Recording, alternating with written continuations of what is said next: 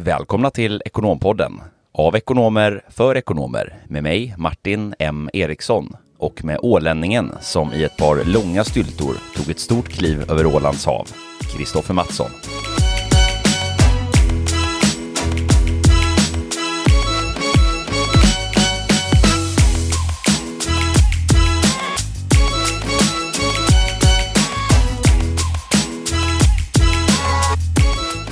Vad jag gör eh, nästa gång. Ja, det är alltid lika intressant. Jag, jag brukar alltid fundera på den saken faktiskt. Vad, vad, hur kommer ålänningen ta sig till Stockholm? Ja precis, man sitter här varje gång i studion inför inspelning och är lite nervös, nästan på nålar sådär. Hur tog jag mig egentligen till Stockholm? Jag tycker det är fantastiskt. Ja, det är alltid lika kul att, att få, lite, få lite, ny, eh, lite ny information om hur man själv förflyttade sig. Det är ju så ibland, ibland går man ju utan att tänka på hur man gick. Verkligen, ja, ja, ja. man går i sina egna tankar och, och mm, sådär. Min pappa sa alltid att eh, eh, vi män, vi kan inte göra två saker samtidigt och tugga tuggummi och gå samtidigt. Men det är väl ungefär det vi, vi klarar av. Ja, det kan nog vara så faktiskt. Du, eh, hur gick det med den här golfen? Det var lite kastväder eller? Ja, eh, eller egentligen vädret var det inget fel på, men det körde ihop sig lite på, på jobbfronten, både för mig och för mina golf, eh, golfkollegors eh, vägnar. Så det blev ingen golfrunda dessvärre förra veckan. Eh, och jag hoppas att kunna ha en runda att rapportera om nästa avsnitt. Då kan vi gå igenom hur många bollar jag slog i vattenhindren och sådär. Eh, förhoppningsvis kan jag få till en vända på rangen innan, så det kanske var lite tur i oturen att det inte blev av någon, någon runda. Ja, nej men eh, absolut. Det är väl eh, den här tiden på, på året nu där det börjar liksom blomma upp här igen och gräsmattorna börjar bli gröna. Så att kan, jag kan tänka mig att du har många härliga rundor att se fram emot. Ja men så, så är det verkligen.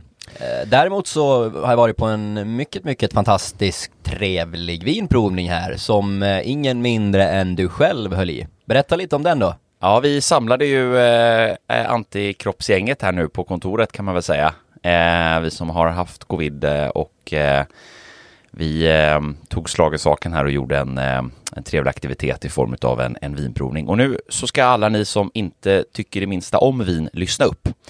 Därför att eh, temat på den här vinprovningen var ju att lära känna eh, varianserna och kontrasterna i olika viner.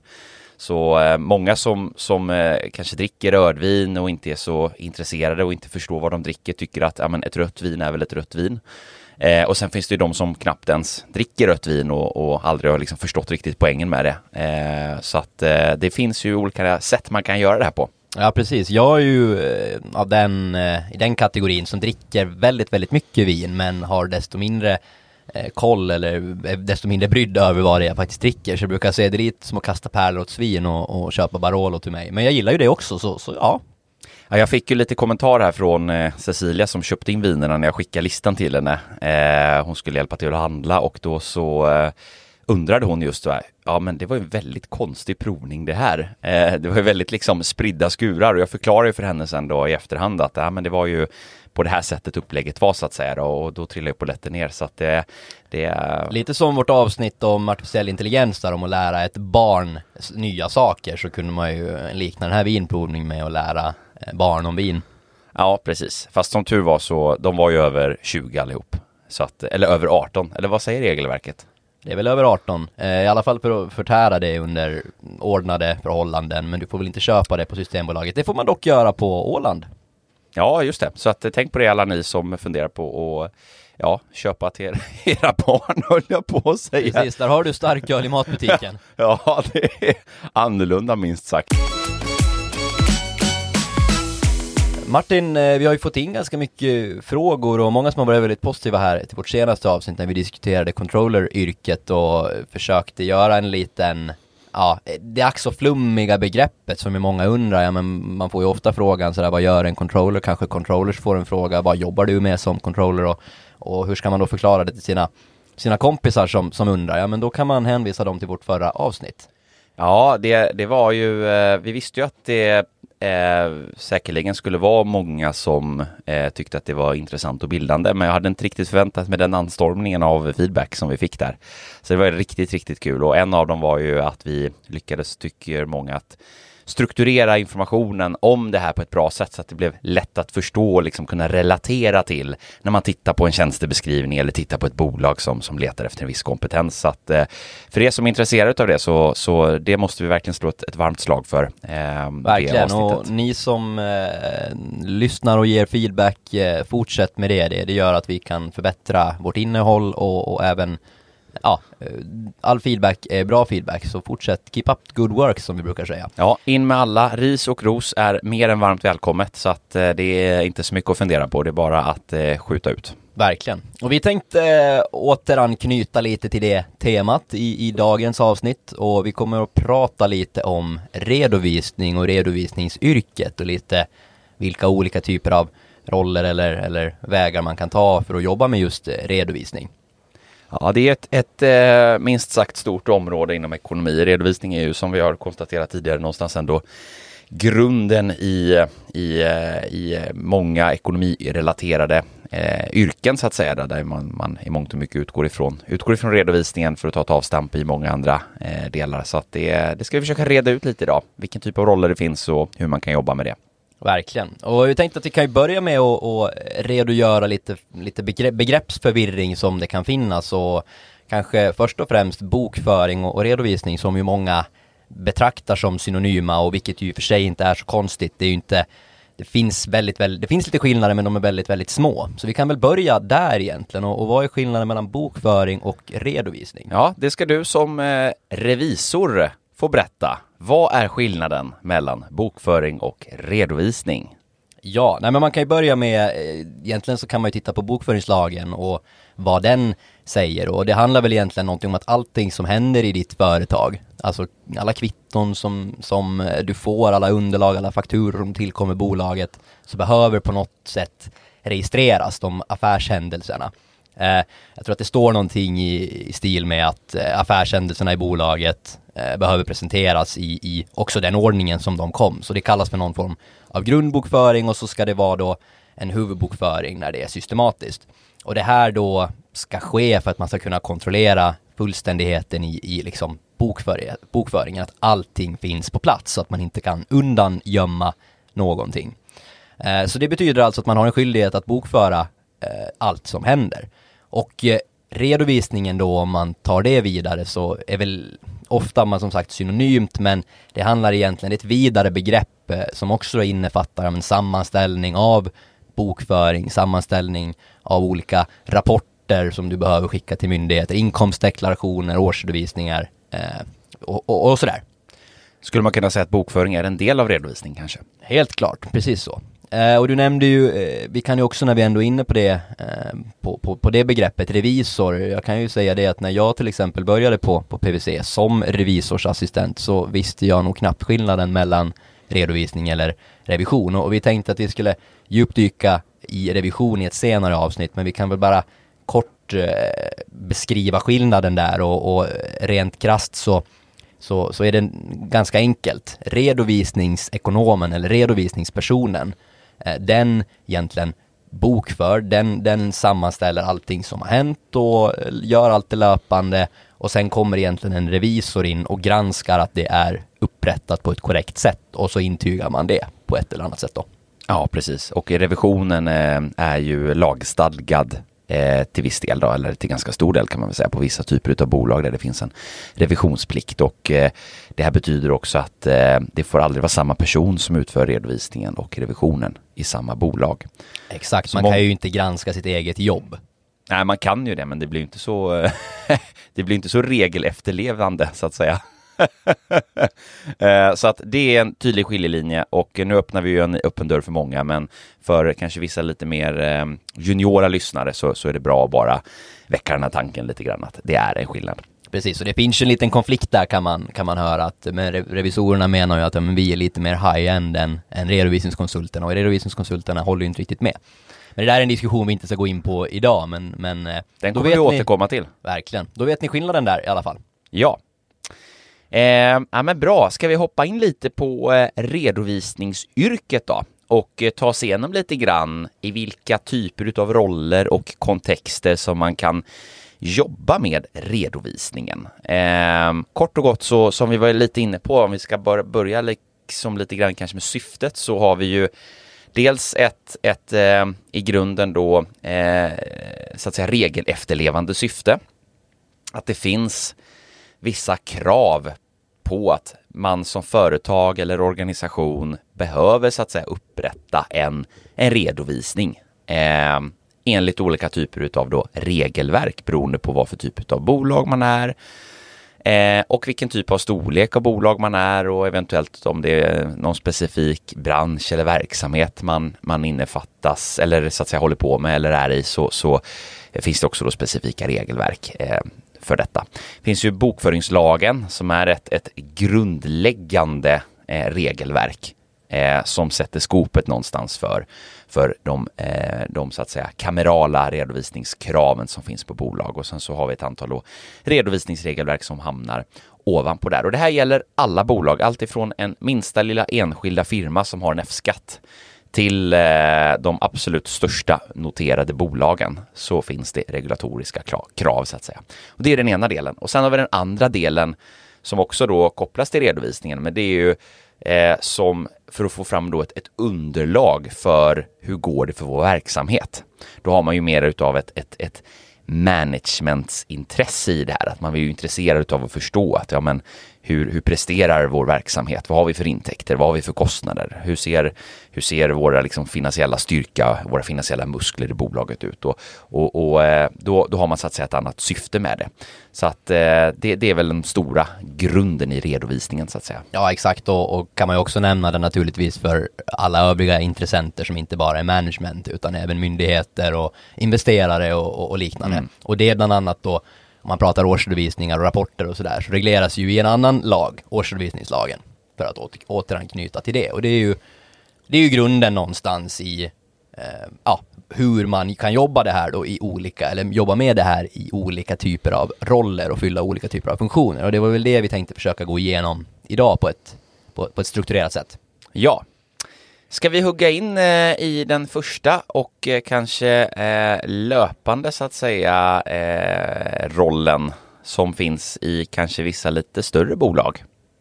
Ja, precis och, och kanske mindre bolag också för den delen. Men man, det börjar väl någonstans med eh, om man tar back to basics liksom kanske man kan börja med att prata om men ekonomiassistenten eller redovisningsassistenten, administratörsroll. Och eh, Generellt kanske man skulle kunna säga då att en ekonomiassistent jobbar lite mer assisterande eller supporterande, vilket ju också avslöjas en del i, i namnet. Allt från ja, men, ekonomiadministration till att man tar hand om posten, man ankomstregistrerar och konterar, konterar leverantörsfakturor, man registrerar betalningar, man kan också betala betalningarna, man fakturerar, man jobbar med påminnelsehantering och man registrerar bokföringsordrarna Eh, och eh, det kan även vara lönerelaterade arbetsuppgifter, att man kanske tittar på tidrapporter, man eh, kollar på kvitto, utläggshantering, reseräkningar och, och, och sådär.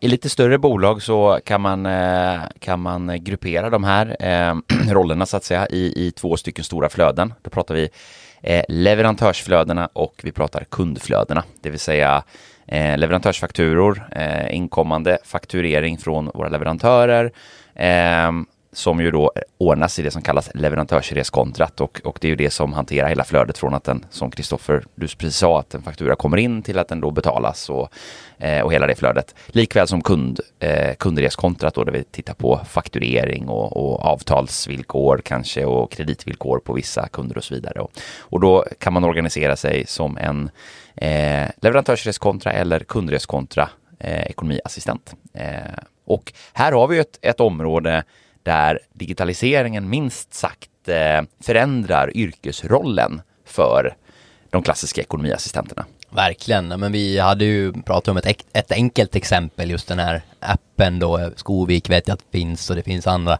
appar också där man tar en bild till exempel på ett kvitto och så läser den in vad som står på kvittot automatiskt och så underlättar det vid, vid bokföringen då. Och vi har ju också eh, de systemen som, som finns, alltså de tekniska systemen som är då eh, försystem till ekonomisystemen. Eh, exempelvis då försystem för leverantörsfakturahantering. Och de här systemen blir ju mer och mer intelligenta. Eh, det kommer in en faktura, den automatiskt skannas Eh, den kommer att tolkas av systemet som automatiskt kommer att, att eh, göra en förkontering eller ett konteringsförslag. Det kommer då gå ut en attest till den här personen som är beställare enligt den attestordningen som är uppsatt för den här rutinen. Eh, och vidare så kanske det rent av finns avtalsmatchning och liknande inbyggt, vilket är ett område som, som växer nu också på många av de här systemen, där man automatiskt kanske då kontrollerar priser eh, och liknande och betalningsvillkor och så vidare på fakturan mot det som är avtalat med den här leverantören så att även den kontrollen då så att säga sker automatiskt. Eh, och ni hör ju själva här att det blir ju en förändring återigen då på vad, vad blir kompetensen som behövs för att hantera. Vi pratar ju om det här med skärningarna mellan verksamhet och system och, och här har vi ett område där det går väldigt, väldigt fort just nu. Verkligen, den rollen har och kommer förändras ännu mer på, på inte så lång sikt och då gäller det att, att embracea det på, på ett eller annat sätt. Vi har eh, i nästa skede då redovisningsflödena. Eh, det är ju någonstans att säga att få ihop då den här huvudboken, den löpande redovisningen, månadssammanställningar i form av månads, eh, eh den månatliga redovisningen, kontoavstämningar och så vidare. Eh, det är ju den här rollen då som definieras som redovisningsekonom. Ja, precis. Och där finns det ju ofta lite begreppsförvirring och kanske i den mån också att är jag ekonomiassistent, är jag redovisningsekonom eller ligger jag någonstans i, i gränslandet? Det där kan ju också vara en fråga till liksom man kan ju hävda att redovisningsekonom är en uppgradering av en ekonomiassistent. Ska jag, när ska jag då kanske till exempel förtjäna en högre lön och sådär. Det är mycket frågor som vi hanterar och det där är väl någonting som man får ta med, med sin respektive chef och kanske framförallt i mindre bolag när man kanske som ekonomiassistent gör redovisningsekonomrelaterade arbetsuppgifter. Men man skulle väl någonstans kunna, för att särskilja dem då så kommer man liksom närmare, lite längre bort från administrationen och lite närmare då bokföringen och redovisningen. Man jobbar med avstämning av balans och balanskonton, man upprättar kanske månadsbokslut och jobbar mer med moms och skattefrågor. Eh, ja, inventarier, lager, eh, det kan vara liksom, det blir som en, en vidare en vidare, en ytterligare nivå egentligen på, på ekonomiadministrationen. Mm. Och när det gäller då redovisningsekonomen så, så hanterar ju då eh, så att säga redovisningen, det är ju då hela bolagets intäkter och kostnader, alltså intäktsredovisning, kostnadsredovisning, det är det som ni finner på resultaträkningen. Och givetvis också eh, hanteringen av bolagets tillgångar och skulder, eh, det som vi finner i balansräkningen. Debit och kredit. Debit och kredit, tillgångar och skulder. Vad är det som ökar i vad? Tillgångar ökar i debit. Ja, man, man finner sig ju ofta... Nej, förlåt. Tillgångar ökar ju givetvis i kredit. Intäkter i debit och tillgångar ökar i kredit. Anledningen till att man ska upprätta T-konton för att hålla koll på, på hur det där, eh, hur det hänger ihop. Precis. Eh, så eh, det jag skulle komma till med redovisningsekonomen är att här börjar det ju bli en, en också en, en stor varians på hur rollerna ser ut, återigen då beroende på bolagets verksamhet och storlek. Alltså vi brukar prata då om, för att förstå en redovisningsroll, så tänk att vi ska ta oss igenom lite grann de här olika varianserna som kan finnas eh, och, och hur det då så att säga påverkar, påverkar densamma. Eh, tittar vi till exempel, om vi börjar med verksamheten på bolagen, eh, är det bolag som, som är, eh, som är eh, till exempel då, alltså konsultverksamheter och liknande som är eh, inte har en särskilt stor balansräkning, det vill säga det finns inga stora tillgångar, inga stora inventarier, man har ingen specifik form av finansiering, upplåning för att så att säga finansiera stora, stora balansräkningar. Eh, då kan ju komplexiteten kanske snarare vara i Eh, intäktsredovisningen, att man behöver, om man till exempel en konsultverksamhet, så jobbar man i olika typer av projekt och olika personer presterar då värden på olika typer av uppdrag. Man kanske jobbar med underleverantörer. Så att det kan finnas en komplexitet som har att göra med intäktsredovisningen. Precis, och även kostnader och i vilken, det handlar ju mycket om hur man får göra och hur man inte får göra. Om man pratar till exempel och jobbar med, med olika underentreprenader, med projekt och sådär. När får vi realisera den här intäkten och när har vi gjort jobbet och när ska vi ta kostnaderna? Successiv vinstavräkning och den typen av frågor. Mm. Och, och det är klart att då blir det ju präglat av, som sagt, bolagets verksamhet blir ju någonting som präglar den kompetens du tillskansar dig i den här rollen. Likväl som då om vi tittar på ett annat typ av bolag som, som är eh, mer balanstungt och som, som har kanske större typer av anläggningstillgångar, alltså om vi tittar på, på verksamheter inom till exempel eh, entreprenad eller, eller eh, tillverkande sektor och liknande, där du har varuflöden som hanteras, råmaterial som kommer in, du har förädling utav, utav material i kanske en, en industri, tillverkande industri och, och sen då har du, eh, har du så att säga lagerhållning och försäljning utav, utav de slutgiltiga produkterna. Där har vi ju en, en, eh, eh en verksamhet som, som är betydligt mer komplex på balansräkningen eh, och den ska ju också redovisas. Eh, och då bygger man ju kunskap och kompetens kopplat till det. Så att beroende på verksamheten i bolaget kommer redovisningsrollen och redovisningsekonomens kompetens att utvecklas på olika sätt. Verkligen, helt riktigt och där kan vi väl återkoppla det lite som vi diskuterade eh, förra veckan om att jobba liksom i silos eller lite mer processbaserat. Så det har ju också ganska mycket att göra med storleken på bolaget och hur det är organiserat så att säga. Mm. Eh, och då kan man väl börja med då att det finns ju till exempel, ja men om man pratar en, en bolagsekonom eller en, ja, en, en självständig redovisningsekonom, man pratar där ax till limpa som man hör ganska ofta. Och då kan det ju vara en redovisningsekonom som sitter och gör allting från att man ankomstregistrerar fakturor, bokför dem, stämmer av att leverantörsres kontra eh, det sidordnade registret över fakturor som ligger då överensstämmer med huvudboken, balansräkning, kostnader, intäkter till att man stänger månadsbokslutet eller kvartalsbokslutet till att man sen upprättar kanske årsredovisningen i slutet av året.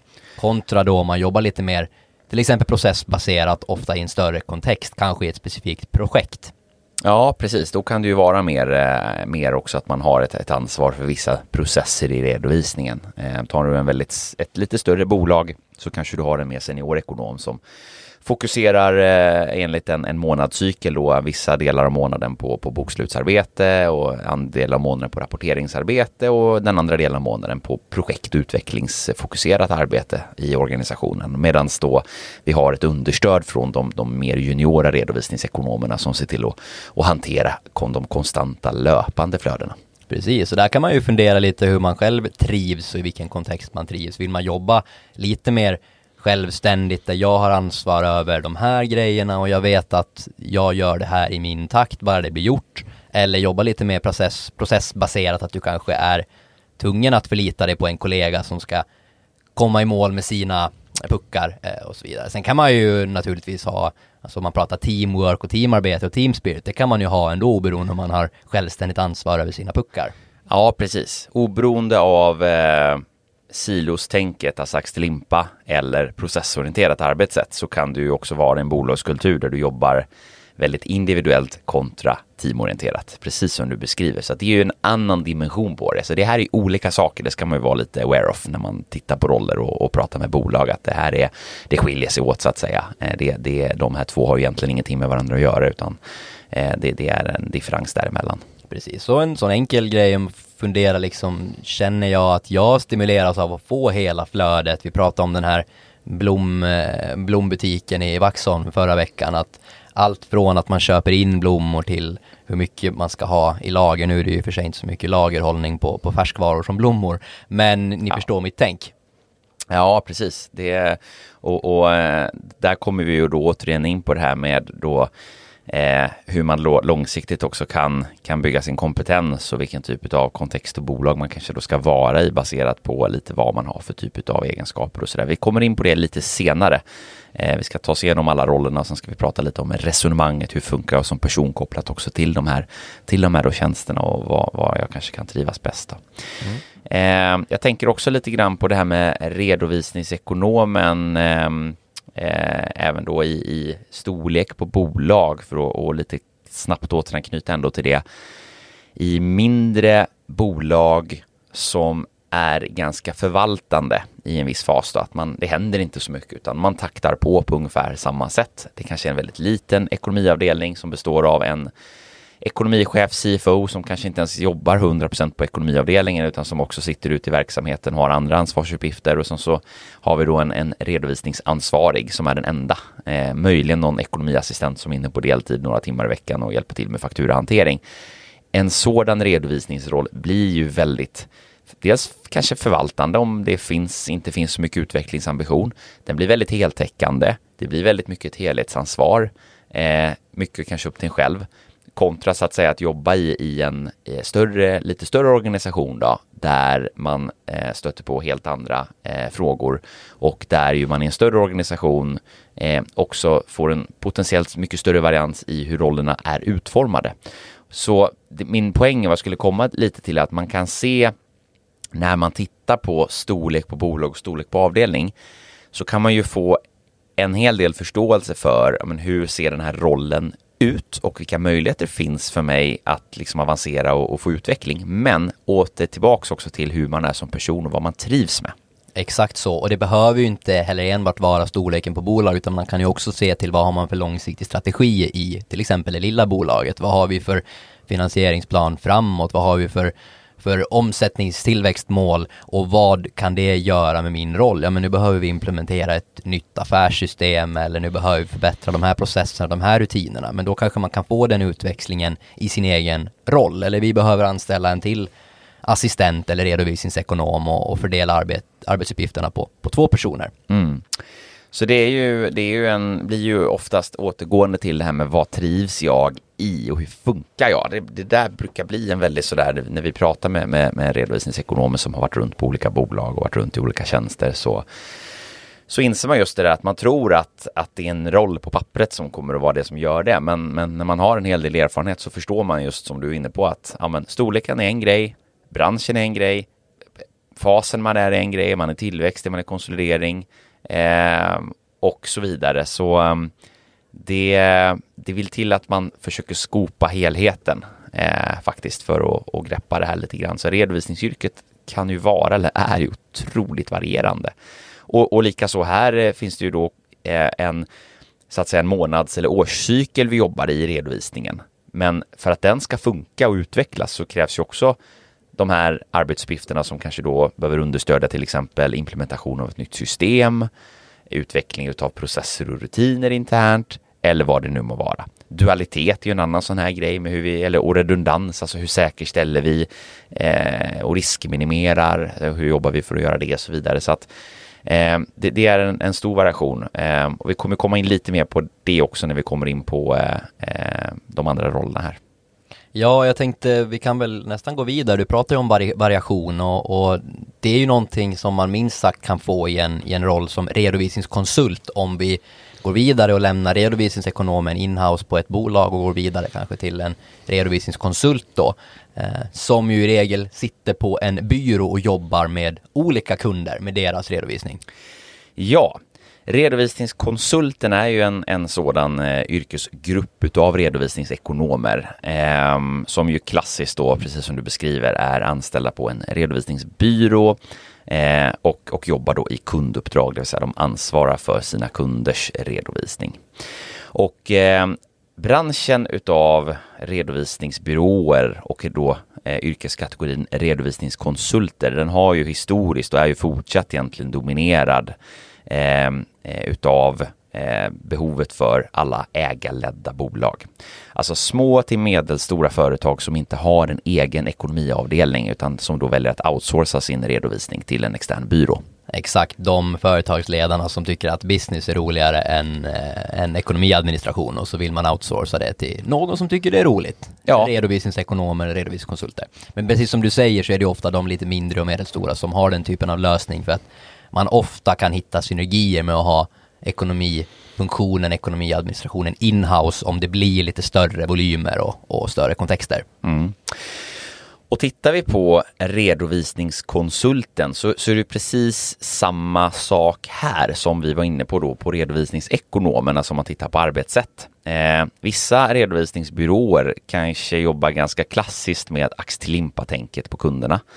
Att jag har ett ansvar för mina 30 kunder i min kundportfölj. Jag gör allt ifrån kvittoredovisning till deras inkomstdeklarationer för eh, ägarna så att säga. Till att jobba och jaga in material från de här eh, små ägarledda bolagen som eh, fokuserar mer på business. Mm. Ja, precis. Det, det, det finns sina utmaningar ibland kan man, kan man säga. Och sen har vi lite större bolag, eh, oftast ska jag väl säga, som har utvecklat de här strukturerna lite där man har Eh, dels eh, då ekonomiservicefunktioner på, eller ekonomiservice eh, affärsområde så att säga på de kanske lite större konsulthusen. Eh, där man då har eh, nivåer, alltså liksom, yrkesnivåer på redovisningsekonomen där du i princip då börjar som eh, på ingångsnivå, juniornivå, assisterande och jobbar med de enklare redovisningsflödena Eh, till lite mer då eh, projektledande och håller upp redovisningen till kanske ganska senior nivå där du, där du råder och, och har ytterst kundansvar och, och jobbar kanske mer med med eh, analystjänster och, och beskattningsfrågor och annan typ av rapportering. Precis, och det är ju en dimension man kanske kan få eh, som redovisningskonsult kontra redovisningsekonom inhouse på ett bolag, att man får den här rådgivande biten där du kan vara, jobba mycket med service och hjälpa dina kunder och kanske direkt generera ett stort värde för dem i form av, ja, men, ägarbeskattning till exempel är ju en sån typisk, eh, typisk sån där man verkligen säger men om du gör så här, om du tar ut så här mycket i lön under den här tidsperioden så kommer du få x antal tusen kronor mer i, i fickan varje, eh, varje månad eller i slutet av året.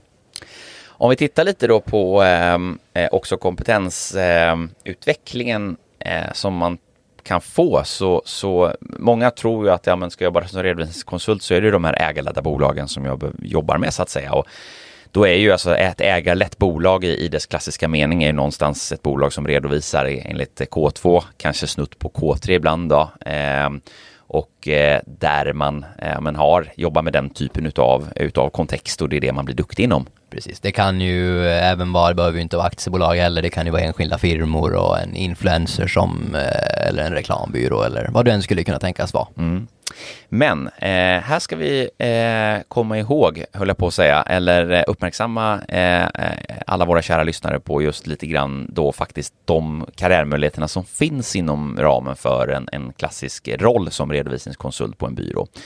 Eh, det finns en del bolag som, som har kanske lite större kunders, alltså som har lite större kunder som, som exempelvis då har antingen då utländska bolag som har svenska verksamheter och där man då för den här svenska verksamheten behöver en byrålösning i Sverige.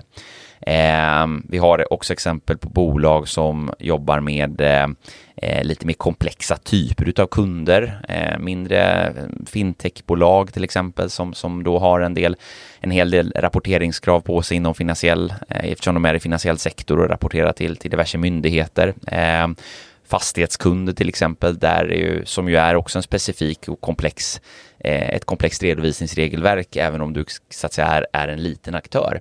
Eh, vi har ju en av våra kunder eh, som vi jobbat med under många, många års tid, eh, eh BDO, som har en redovisningsfunktion eh, som, som eh, jobbar då med bland annat de här internationella kunduppdragen och lite mer komplexa kunduppdragen. Eh, och där har vi ju konsulter som, som har en, en otroligt hög kompetensnivå. Eh, och eh, jobbar man till exempel som, som konsult, eh, redovisningskonsult i en sådan avdelning, då omger man sig utav eh, otroligt kunniga och, och liksom mm, redovisningstekniskt och, och regelverkstekniskt väldigt kunniga personer. Eh, så, att, så att det behöver inte begränsas till de här ägarledda bolagen, även om det är den stora massan tänker jag, så finns det ju exempel på, på konsult, redovisningskonsultroller på byråer där man jobbar med, med helt, andra, eh, helt andra typer utav, eh, utav kunder. Verkligen, återigen då så får man väl någonstans försöka fundera vad, vad jag trivs i, vilken kontext jag trivs i och, och hur jag vill jobba. Man kanske gillar det här lite mindre, du får en personlig relation med ägaren till ett bolag och kan stötta honom eller henne i, i, i liksom rådgivande frågor eller då att man ändå vill jobba med lite mer kvalificerad redovisning inom situationstecken då. Eh, komplexare frågor, utländska strukturer och, och, och, och sådär.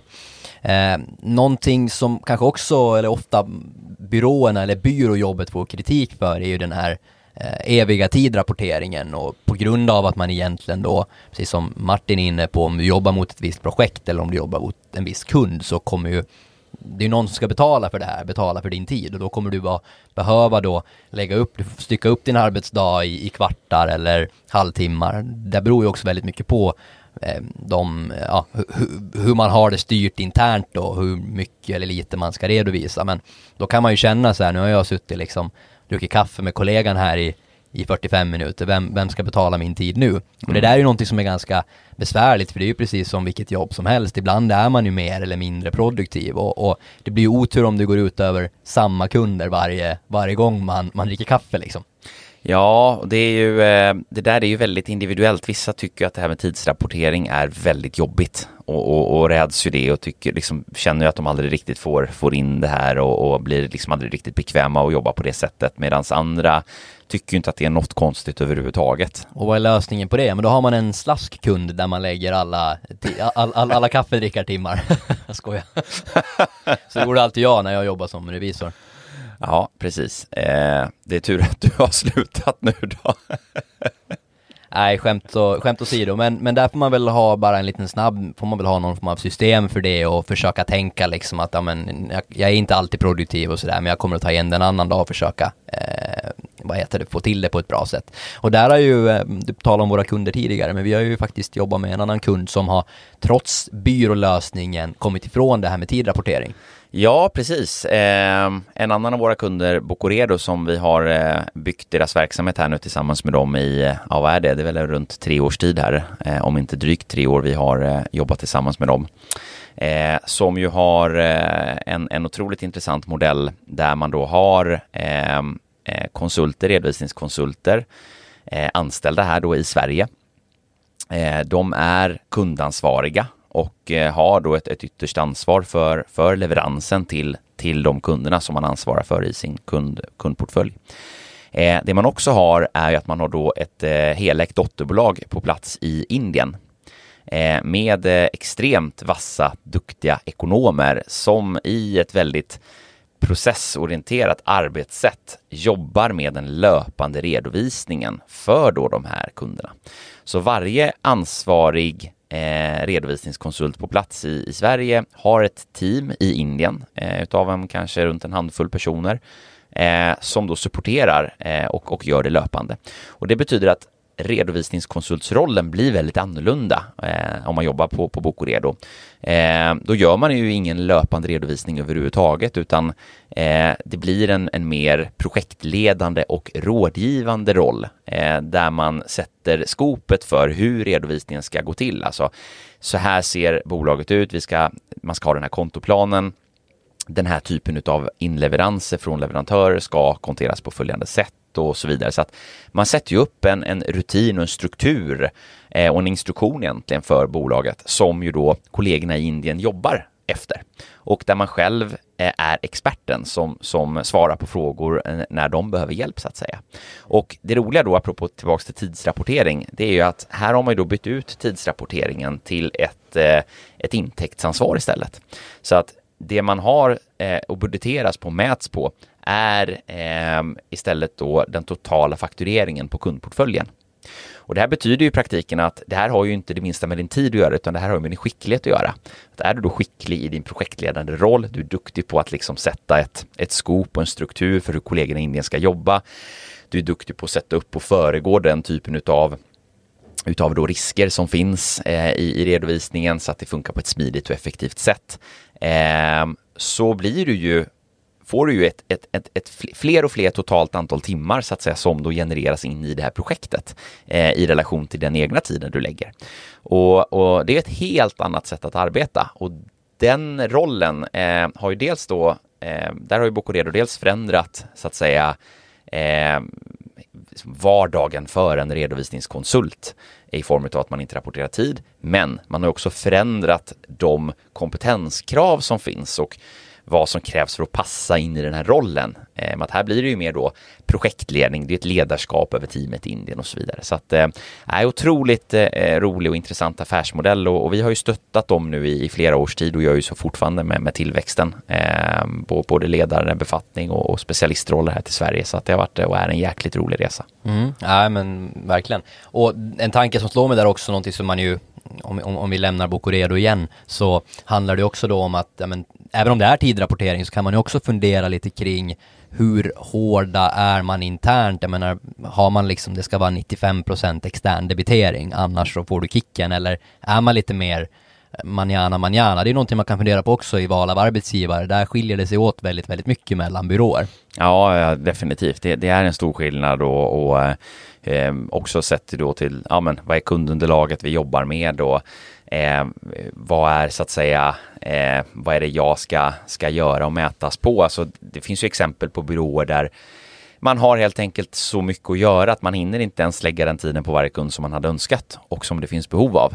Eh, samtidigt som det finns byråer som har en helt annan strategi där det är klart att du ska ut, utveckla den här kundrelationen och du får ett understöd av juniora medarbetare som supporterar dig. Så att det skiljer sig åt från, från bolag till bolag hur, hur strategierna ser ut. Mm. Och jag ska tillägga där också gällande Bocoredo. Eh, teamet Indien, det är ett helägt dotterbolag eh, och man har då ett, ett management på plats i Indien som då ansvarar för hela utbildningen och kompetensutvecklingen utav då de här medarbetarna i Indien.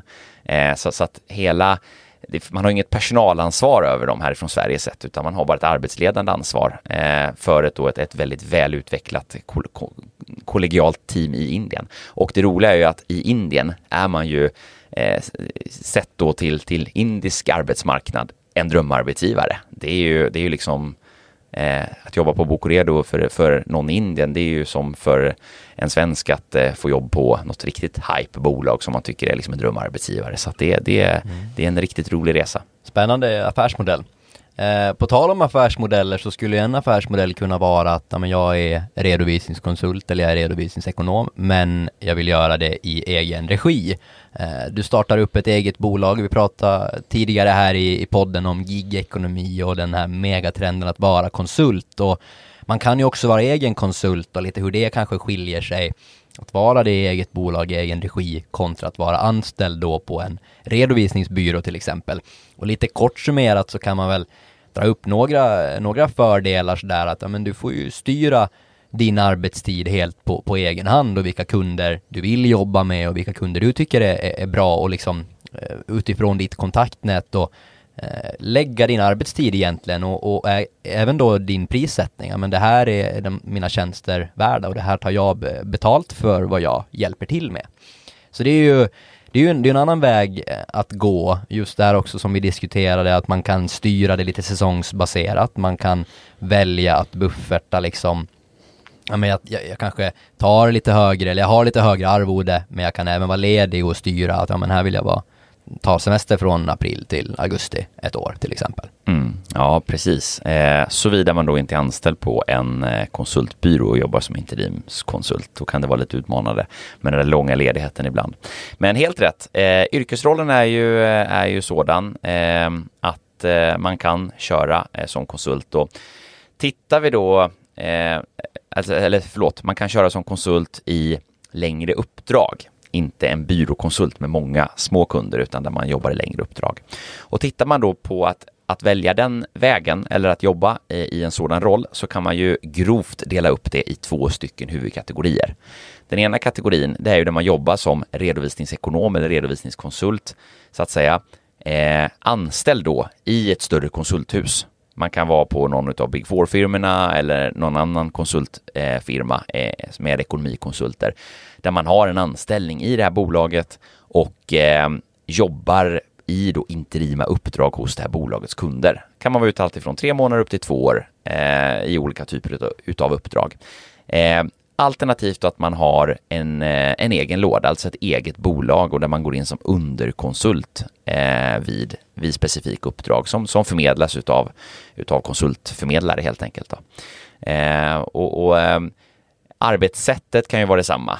Eh, men det kan skilja lite grann då på förutsättningarna rent, eh, rent strukturmässigt eh, kring förmåner kring flexibilitet kontra eh, icke-flexibilitet. Eh, om man då är anställd eller inte via ett konsulthus. Trygghetsfrågan är, är en annan sådan aspekt. Så att eh, där finns ju lite varianser, eh, även om eh, arbetssättet som interimskonsult runt om på olika uppdrag blir detsamma, så kan man jobba i det på två olika sätt. Då. Mm, ja, helt riktigt. Och då kan vi ju ändå, vi pratar ju om det här, någon form av kvalitetsstämpel och det skulle det eventuellt kunna vara att jobba på en större redovisningsbyrå så vet man att förhoppningsvis så är, är de här konsulterna som, som jag får hjälp av nu som, som extern kund till exempel är, är duktiga på det de gör. Men ett sätt också att, att få den här kvalitetsstämpeln oberoende om du egentligen är egen eller om du inte är det är ju att ta en så kallad auktorisation då och bli auktoriserad redovisningskonsult. Och det är ju egentligen då som, som är första gången där din titel blir skyddad så att säga. Innan det så kan egentligen vem som helst kalla sig för redovisningskonsult eller redovisningsekonom. Ja, precis. Auktoriserad är ju som du säger, auktoriserad redovisningskonsult är ju den skyddade eh, titeln. Precis. Och det är väl egentligen en metod för, som jag var inne på, kvalitetssäkra liksom yrket redovisningskonsult och det görs väl egentligen av två olika branschorganisationer och eh, då, då, är det, då är det FAR och SRF jag pratar om. Eh, och det är egentligen då ja men auktorisationen som jag var inne på, varför ska man eh, auktorisera sig? Man kan väl börja med egentligen att det är ett sätt att, att få en kvalitetsstämpel. Eh, jag är eh, auktoriserad, det ger ett signalvärde att, och ett förtroende att jag har kompetens och, och, och så inom de här eh, områdena. Precis, eh, och eh, där har vi ju när det gäller auktorisationer så, så finns det ju lite olika eh, kriterier för att få auktorisation också. Det är ju en, en kan vi väl säga, en, en eh, kvalitetsstämpel som kan vara lite utmanande att navigera kring, för den har förändrats genom åren också, kraven för att, att auktorisera sig.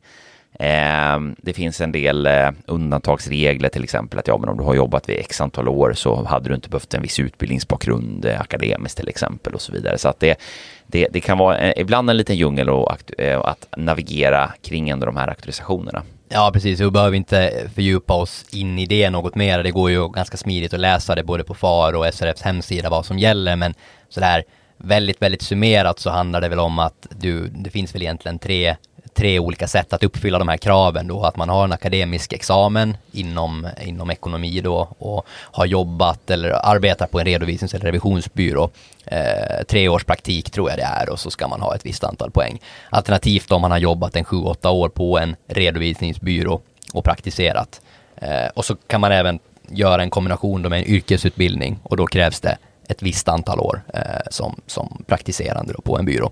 Och det är ju oftast på redovisningsbyråerna som den här titeln är så att säga eftertraktad. Det är väldigt sällan den är, eh, eh, är någonting som man tittar särskilt mycket på i, eh, i, i, i konsult, alltså interims eh, eh, i, i så att säga redovisningsinterima roller när man kanske jobbar mot lite större bolag utan det, det är faktiskt främst mot, mot eh, i, byråvärlden eh, som, som man, man går på det här. Exakt, och just där som vi var inne på, om man vill börja bygga sin egen kundstock och ha sina egna kunder och jobba med dem, så det, då är det ju att ge förtroende till dem att ja, men jag kan faktiskt det här, jag, jag är duktig på, på redovisning på ett eller annat sätt.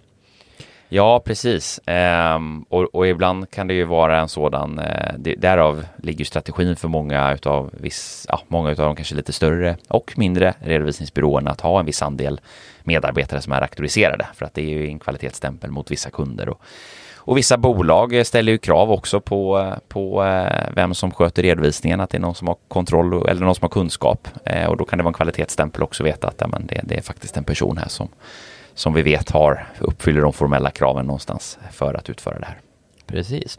Vi kan väl gå vidare då och prata lite eh, redovisningsspecialister, det hör man ju ganska ofta och, och Eh, det kan man ju vara verksam som både inhouse på eh, ett bolag, en organisation eller då som, som konsult att du hyr ut dig själv i egen regi eller då att du är på en, på en byrå som ja, någon form av redovisningsspecialist och där finns det en uppsjö av olika områden som du kan specialisera dig inom. Ja, precis. Eftersom vi, är specia- eftersom vi pratar om specialister så hör ni själva, då är man ju nischad och inriktad. Eh, så att här kan man verkligen vara eh, bred som specialist, eh, höll jag på att säga. Jag menar, man, det finns ett brett skop av, av eh, områden att specialisera sig inom.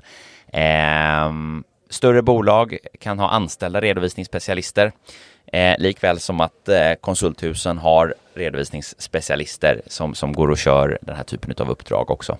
Jag tänker alltid tillbaka på Moms-Thomas på eh, PVC och sen namn som man kan få uppkallat efter sig ut efter sin specialitet. Det kan säkert vara Skattefia eller, eller allt vad det, nu, vad det nu heter. Ja, precis. Och här har vi ju, eh, när vi pratar redovisningsspecialisterna, då går vi oftast eh, lite då djupare på någon form av regulatoriska frågor. Det är oftast det som blir eh, eh, den gemensamma nämnaren för redovisningsspecialisterna. Eh, antingen då någon form av skatteregelverk, till exempel momsregelverken. Du har eh, olika typer av eh, redovisningsregelverk, till exempel bolag i börsnoterad miljö eller utländska eh, redovisningsregelverk. Frågor som rör till exempel kapitaltäckning och, och den typen av regelverk som, som eh, Finansinspektionen står bakom för bolag som jobbar då med någon form av antingen till viss del tyngre balansräkningar eller eh, tillståndsplikt inom ramen för någon typ av finansiell verksamhet eller försäkringsverksamhet. Precis, och i varje, varje av de här stora huvudområdena finns det sen miljontals förgreningar tänkte jag säga, men du kan ju hitta en, en, en momsspecialist å ena sidan och sen en som är specialiserad på fastighetsmoms i kommersiella lokaler, hur man ska göra det ena och det andra. Så, så det, blir, det är ju en djungel där ute verkligen och där är ju en, möjligheterna oändliga. Och det man kan tänka om man är intresserad av specialistroll, eh, det är egentligen två huvudfrågor eh, som man kan ställa sig. Den första huvudfrågan, det är hur trivs jag i arbetssättet? Alltså specialistrollen är, kan absolut till viss del vara processorienterad. Att du, liksom, du kan vara anställd som redovisningsspecialist och då ingår det i dina arbetsuppgifter att du varje månad ska ansvara för den här myndighetsrapporteringen till Finansinspektionen eller, eller liknande eller Statistiska centralbyrån eller vad det nu må vara som, som man då har för, för eh, Eh, ansvar att, att eh, redovisa eller rapportera till. Så den kan absolut vara processorienterad. Men ofta är den ovanpå det, eller i huvudsak, eh, caseorienterad. Alltså att det kommer in olika typer av ad hoc-frågor att man stöter på en viss typ av, av frågeställning. Hur ska vi nu hantera det här? Eller att man behöver ha ett analys, en analys egentligen in, in i ett business case. Ja, men låt säga att vi nu väljer att förvärva det här bolaget. Vad får det för implikationer på våra regulatoriska krav? Hur påverkar det till exempel våra kapitaltäckningskrav om vi är en finansiell verksamhet? Så att det är ett, ett, oftast ett yrke som är väldigt analystungt eh, och ett yrke som tar sitt, sitt, sin, sitt språng så att säga ur det regulatoriska. Så det är liksom den ena skärningen som man, eh, som man eh, behöver liksom känna att man, man trivs med och gillar. Ja, och eh, någonting man kan nämna där också, det handlar ju väldigt, väldigt, väldigt mycket om att hålla sig ajour. Alltså regelverken förändras ju hela tiden. Det kommer nya direktiv, det kan vara EU-direktiv, det kan vara det ena och det andra. Det gör ju att du hela tiden behöver hålla dig uppdaterad och det är mycket av, av en skattespecialistjobb till exempel att, att titta efter, ja, men vad har hänt, vad, hur påverkar det här och hur ska vi liksom informera om det här till våra kunder och så vidare. Precis, så en, en hög grad av liksom informationsinhämtning, eh, analys, eh, och rapportering och, eller utredningsarbete och att kunna rapportera de här analyserna. Det är liksom det som oftast då präglar eh, präglar så att säga då redovisningsspecialisterna.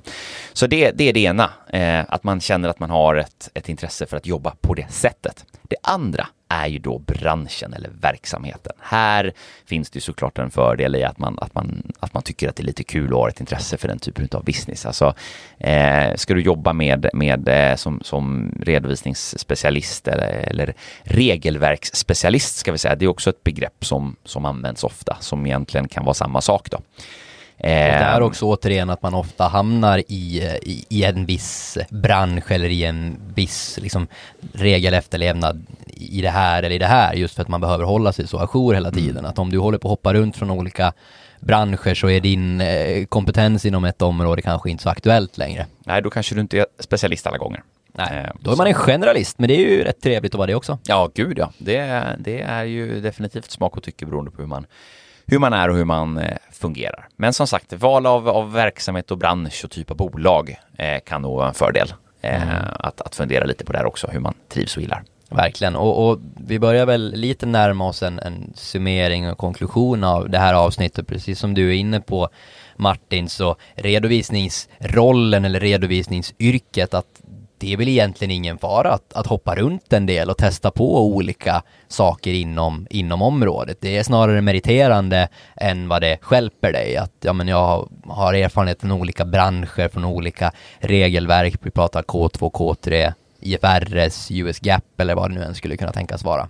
Ja, precis. Eh, och det ser vi också tydligt. Alltså den, den kompetensbredd man, man kan bygga eh, är ju ofta en fördel. Det, det, är sällan att det skadar att man har erfarenhet från olika håll och kanter så att säga.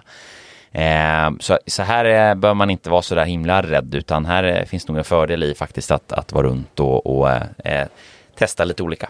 Ja men så det du kan göra är väl eh, någonstans att se till dig själv, vad, vad gillar jag, vad passar mig? Eh, tycker jag om service och vara behjälplig och stötta mina kunder, rådgivande förhållningssättet, ja men då kanske jag ska på ett eller annat sätt söka mig till den här redovisningskonsultrollen.